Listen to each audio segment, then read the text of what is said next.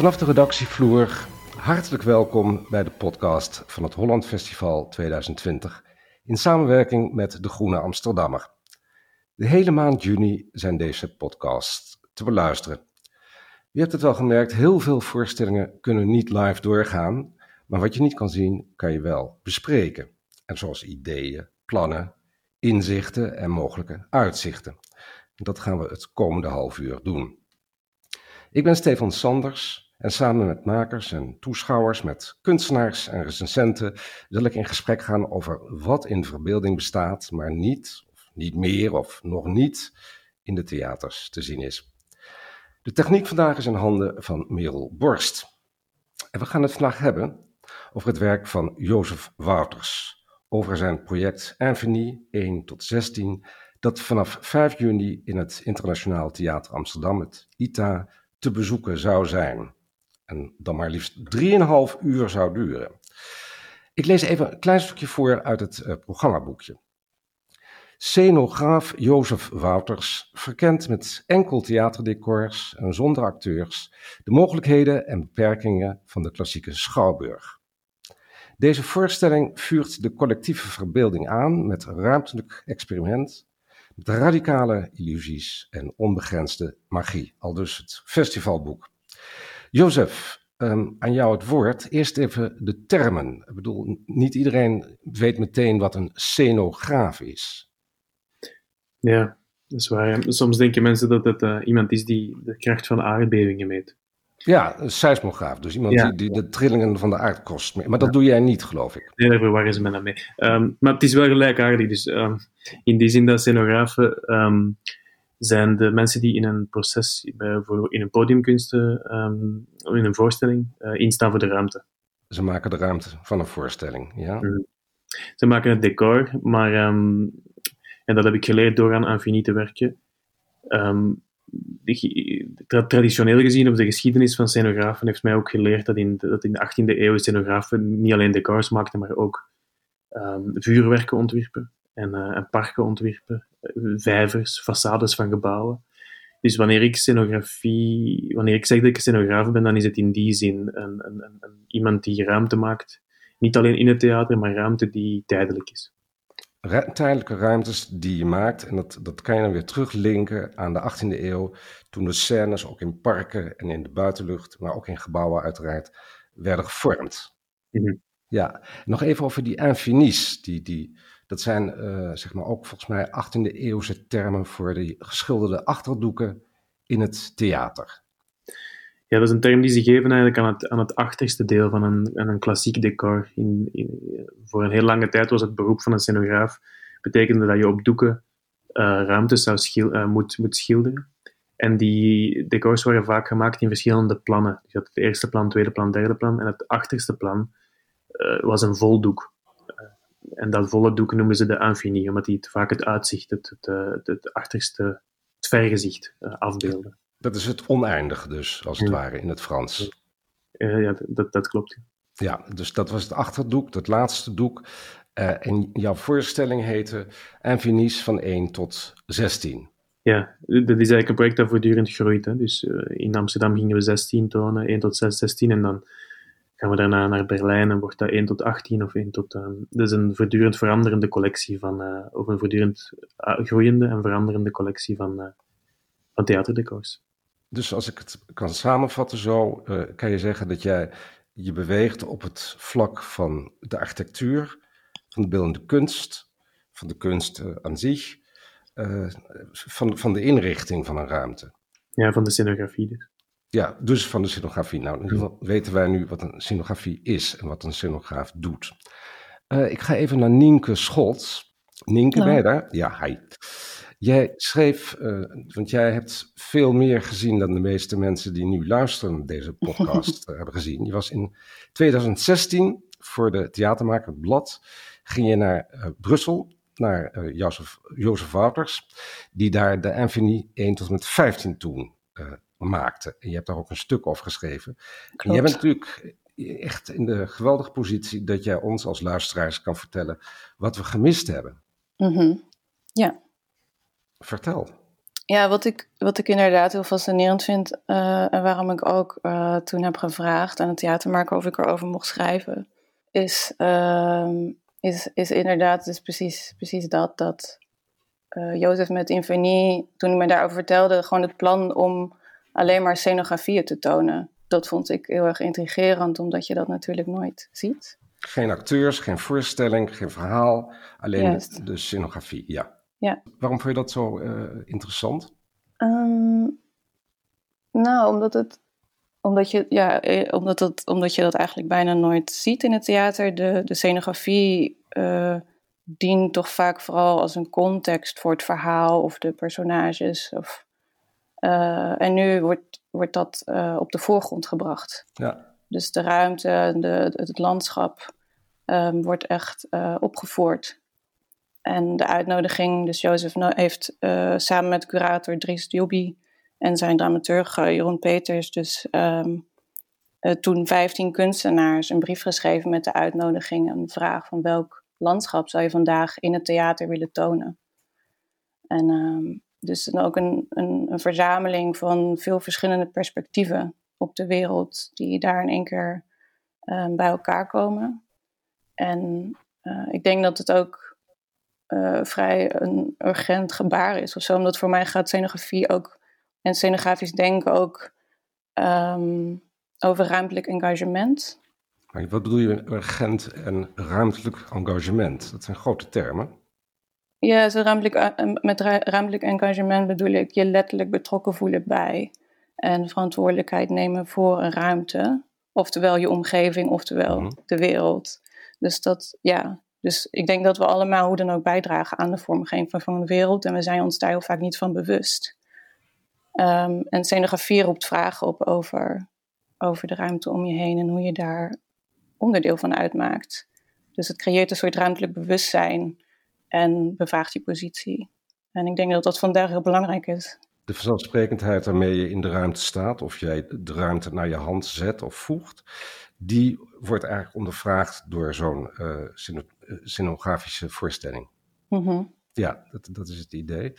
Uh, Joseph, ik heb een paar dingen uh, over je gelezen en gezien natuurlijk ook, op, gewoon op de computer. Je zegt ergens, dat vond ik wel heel erg mooi gezegd, de ruimte die je iemand geeft is de macht die je iemand geeft. Dus ruimte en macht, dat staat heel dicht bij elkaar. Kun je dat misschien becommentariëren? Dus, zo ervaar ik dat toch, hè, dat als je naar de stad kijkt, um, of als je door de stad wandelt, dat de gebouwde stad, de stad die er is, dat dat een resultaat is van de macht. Uh -huh. Van de geschiedenis en, en, en, en lagen van lagen en jaren en eeuwen van mensen die de macht hadden om dingen te bouwen. En door mijn scenografische praktijk, die dan een, een, een praktijk is die, die ruimtes maakt van karton en van papier en van plakband en, en, en een beetje te weinig, te weinig hout of zo. Ja. Ben ik, ben ik zeer, ben ik van nature of ben ik vanzelf um, bij een vorm van ruimte gekomen die soms de mogelijkheid heeft om niet onlosmakelijk met macht verbonden te zijn. Omdat het karton is, omdat het weer af, afbreekbaar is. Ja, dat, dat, dat, zit in het materiaal. Um, uh -huh. Die eigenschap van macht zit, zit. Wanneer ik met, een, met bijvoorbeeld een ander project dat ik, dat ik heb gedaan vorig jaar met een, een grote groep nieuwkomers in Brussel, mensen met een vlucht, vluchtelingenverleden of, of een, uh, asielzoekers, uh, wanneer wij beginnen bouwen in karton en in, in hout, -huh. dan kan je twijfelen, dan kan je zoeken, dan kan je van, van gedacht veranderen en dan kan het gesprek tussen personen ook zich in die ruimte manifesteren. En hoe meer ik met dat soort bouwpraktijken werk, hoe meer, hoe meer ik, het mij opvalt dat de gebouwde stad en de, en, en de stenen stad, dat die, dat, die, um, dat, dat een, een monoloog van de macht is. Een monoloog van de macht, zeg je. Dat, um, wat ik interessant vind, dat las ik ook over jou, en daar ben je ook mee bezig geweest, omdat je met ruimtes bezig bent. Uh, een stuk wat je zei, of iets wat je zei op een, film, een filmpje, over uh, de cinema, de bioscoop uh, in Nederlands, waar je twee dingen doet. De mensen gaan naar een film, met z'n allen, maar ze gaan ook individueel naar de film. of wat ze willen is naar een film kijken, is dat nou een individuele ervaring? Ja, want we willen het liefst niet dat mensen naast ons, zeker tegenwoordig, niezen of hoesten of, of anderszins schrapen met hun keel. Uh, nee, want we kijken ook collectief naar een film. We luisteren collectief naar een concert bijvoorbeeld. We dragen als het ware door onze aanwezigheid ook de opvoerders met ons mee. En we, we, dwingen ze ook, we geven ze ook vleugels om op te treden. Hoe zit dat, uh, hoe zit dat precies? Ja, dat is iets waar we tijdens het maken van Infinie ook heel veel over, um, over hebben gesproken. Dat die Schouwburg, neem nu die in, uh, die in Amsterdam, hè? hoe noemen jullie die? Dus dat stad ITA Internationale Theater Amsterdam, dus sinds kort hoor. Ik zeg nog steeds de Schouwburg, maar het heet nu officieel ITA. Die, dat gebouw op zich, als scenograaf ben ik lang, heeft het lang geduurd voor ik in zo'n gebouw ben beginnen werken. Wellicht omdat ik toch nog niet mocht, omdat ik nog te jong was, of omdat ik geen ja. uh, grote voorstellingen maakte, zoals Ivo van Hoven. Um, dus die, als jonge kunstenaar is het best moeilijk om in die gebouwen te mogen werken, omdat je het aan een heel aantal set, um, een heel set, set van, van criteria moet voldoen voor je daar kan beginnen werken. Even Jozef, indiscrete vraag, maar hoe oud ben je? Uh, ik vergeet altijd, de, nu 34. Ja, dat is jong. Vind ik jong. Ja. ja. Zou kunnen, ja.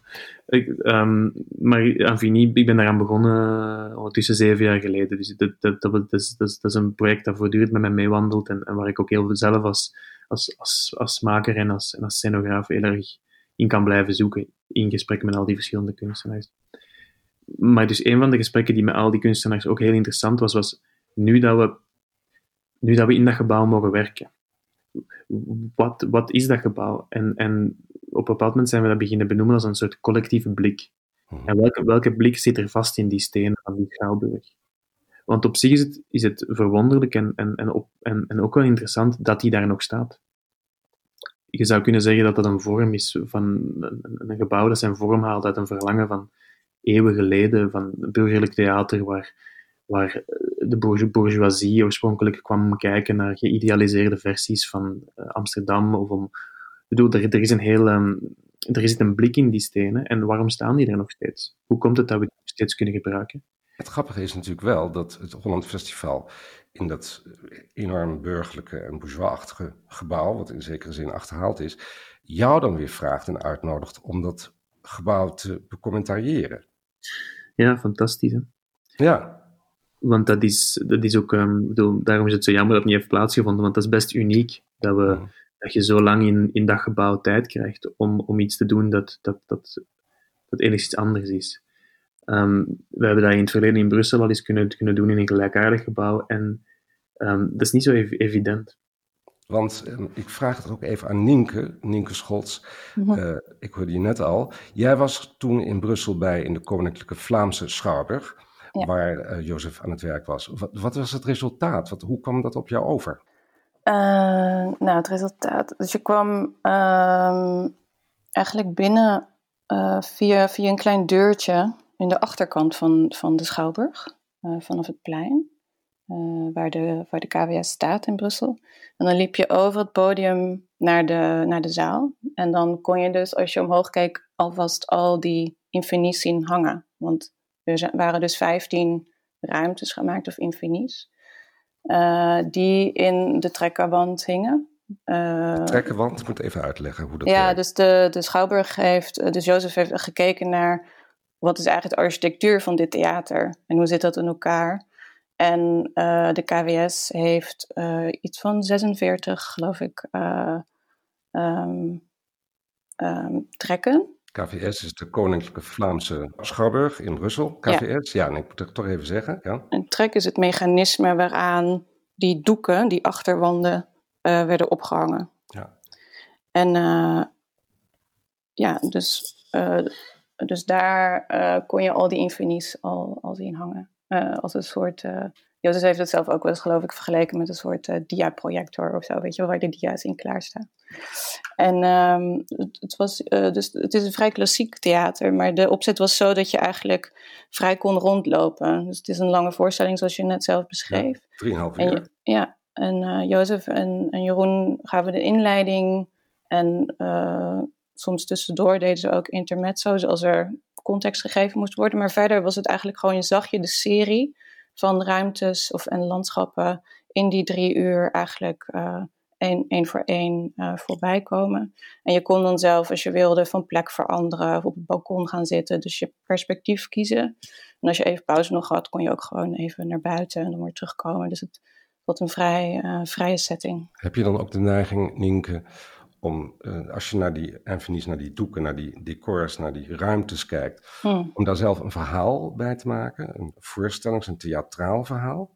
Dat heb ik zelf niet.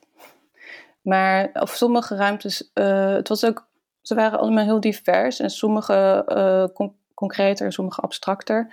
En sommige van die Anthony's waren vrij verhalend, omdat ze allemaal zo'n andere wereld binnenbrengen. Uh, verplaats je gedurende die drie uur ook mentaal in 15 weet je wel, blikken en perspectieven.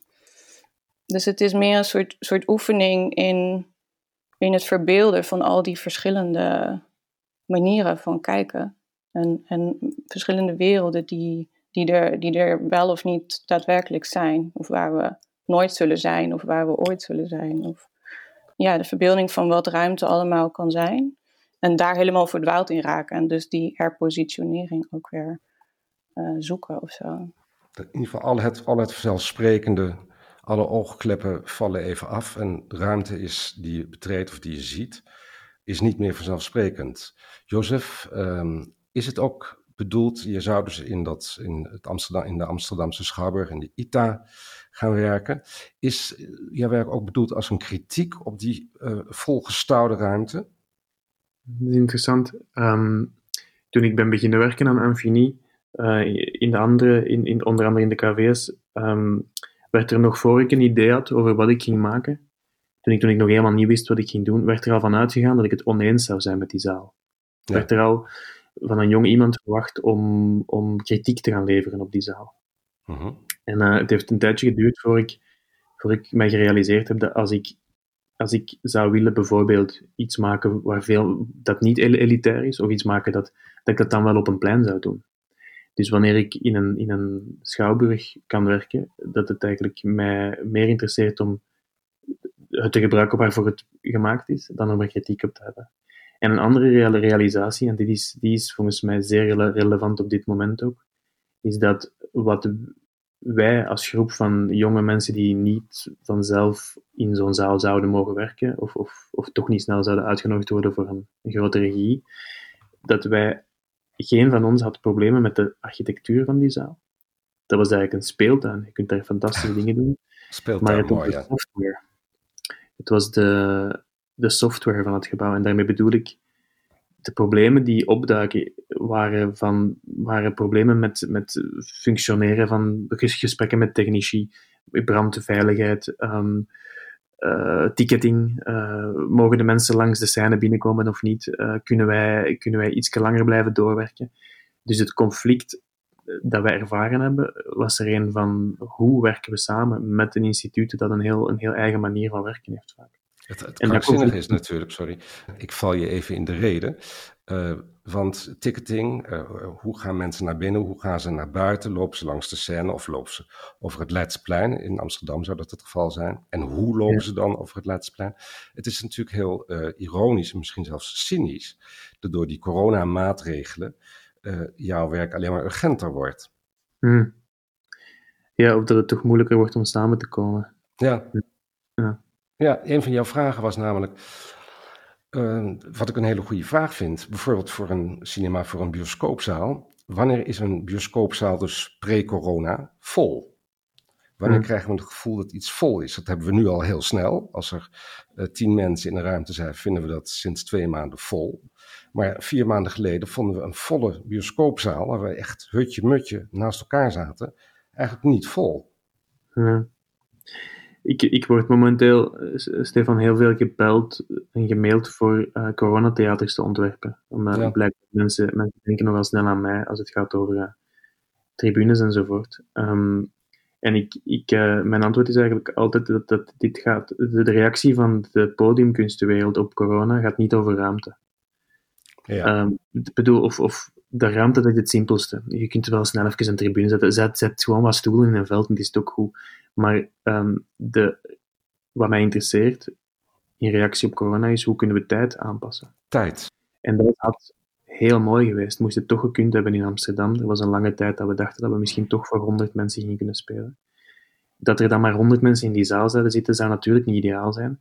Maar wat er wel zou gebeurd zijn, was dat we in plaats van één opbouwdag, zeven opbouwdagen zouden gekregen hebben. Mhm. In plaats van drie voorstellingen, twee weken. En daar merkt het publiek waarschijnlijk weinig van. Maar dat is, interesseert mij nu. Hoe kan je het contract met die zaal ook in, en, het contract met de toeschouwer ontspannen en een ander soort uh, tijdbeleving daarin steken. Dus ik zou ook in die zin iedereen oproepen, en zeker in de podiumkunstwereld, om nu door corona u niet blind te staren op ruimte, maar te gaan kijken hoe dit impact kan hebben op, uw, op, uw, op het ritme waarin dingen gemaakt worden. Het moet uit de lengte of de breedte. Hè? Dus je zegt inderdaad, uh, als je alleen maar uh, kijkt naar de ruimte, dan is, die, dat, is dat uh, ja, een beperking, corona. Mm. Maar gaat zoeken in de tijd. Rek de ja. tijd op. Dat zeg jij eigenlijk. Ja, en maak het gratis of, of gewoon her, herdenk het contract. En het contract is, is veel meer dan alleen ruimte. Ja, ik um, heb nog een laatste vraag voor je, uh, Jozef. Je hebt ook gevraagd om muziek. En wel om muziek van Cetaro Veloso, die dan zingt over zijn zusje, Braziliaanse zangeres Maria Bethania, die net verhuisd is. Waarom, waarom vond je dit zo passend, deze muziek, bij dit verhaal? Dat is eigenlijk heel eenvoudig. Ik denk dat in de derde maand of zo dat we aan Fini begonnen waren, vroeg ik aan Jeroen, zeg, heb je geen liedje voor bij de voorstelling? En hij, volgende dag kwam hij met dat liedje. En ik, ik, wou dat er graag ook in deze podcast steken om, om, om, om Jeroen, de dramaturg van dat, van dat project, um, die vaak heel onderbelicht is. Hè. Dramaturgen zijn mensen die achter de schermen werken, maar die heeft zo'n enorme impact. En um, ik vertrouw die man zo blindelings dat wanneer hij uh, met, met een nummer afkomt, dat ik er onmiddellijk in de voorstelling steek. Dus dit, dit liedje is een soort van uh, een, een leidmotief van de voorstelling geworden. Het is eigenlijk ook een ode, een ode aan jouw dramaturg. En hij zingt Everybody knows that our cities are built to be destroyed. En uh, dat heeft natuurlijk alles te maken met hoe scenografie zich verhoudt tot, tot de gebouwde macht. Iedereen weet dat steden zijn gebouwd om weer afgebroken te worden.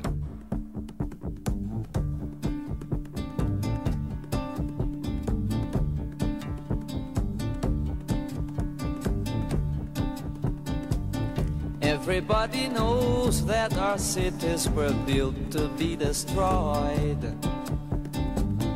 Everybody knows that our cities were built to be destroyed. You get annoyed, you buy a flat, you hide behind the mat. But I know she was born to do everything wrong with all of that. But I know she was born to do everything wrong with all of that. Maria Bethania, please send me a letter. I wish to know things are getting better, better, better, better, better, better. Please send me a letter. I wish to know things are getting better. U luisterde naar de podcast van het Holland Festival in samenwerking met de Groene Amsterdammer. Over het werk van scenograaf Jozef Wouters. En u weet nu allemaal wat een scenograaf is. Met een bijdrage van dramaturge Nienke Scholz. De techniek was in handen van Merel Borst. Dit was de laatste podcast in deze serie over het Holland Festival in samenwerking met De Groene Amsterdammer. Ik hoop dat u met genoegen hebt geluisterd. Tot volgend jaar. En dan is het festival, hoop ik, gewoon weer live en met volle zalen.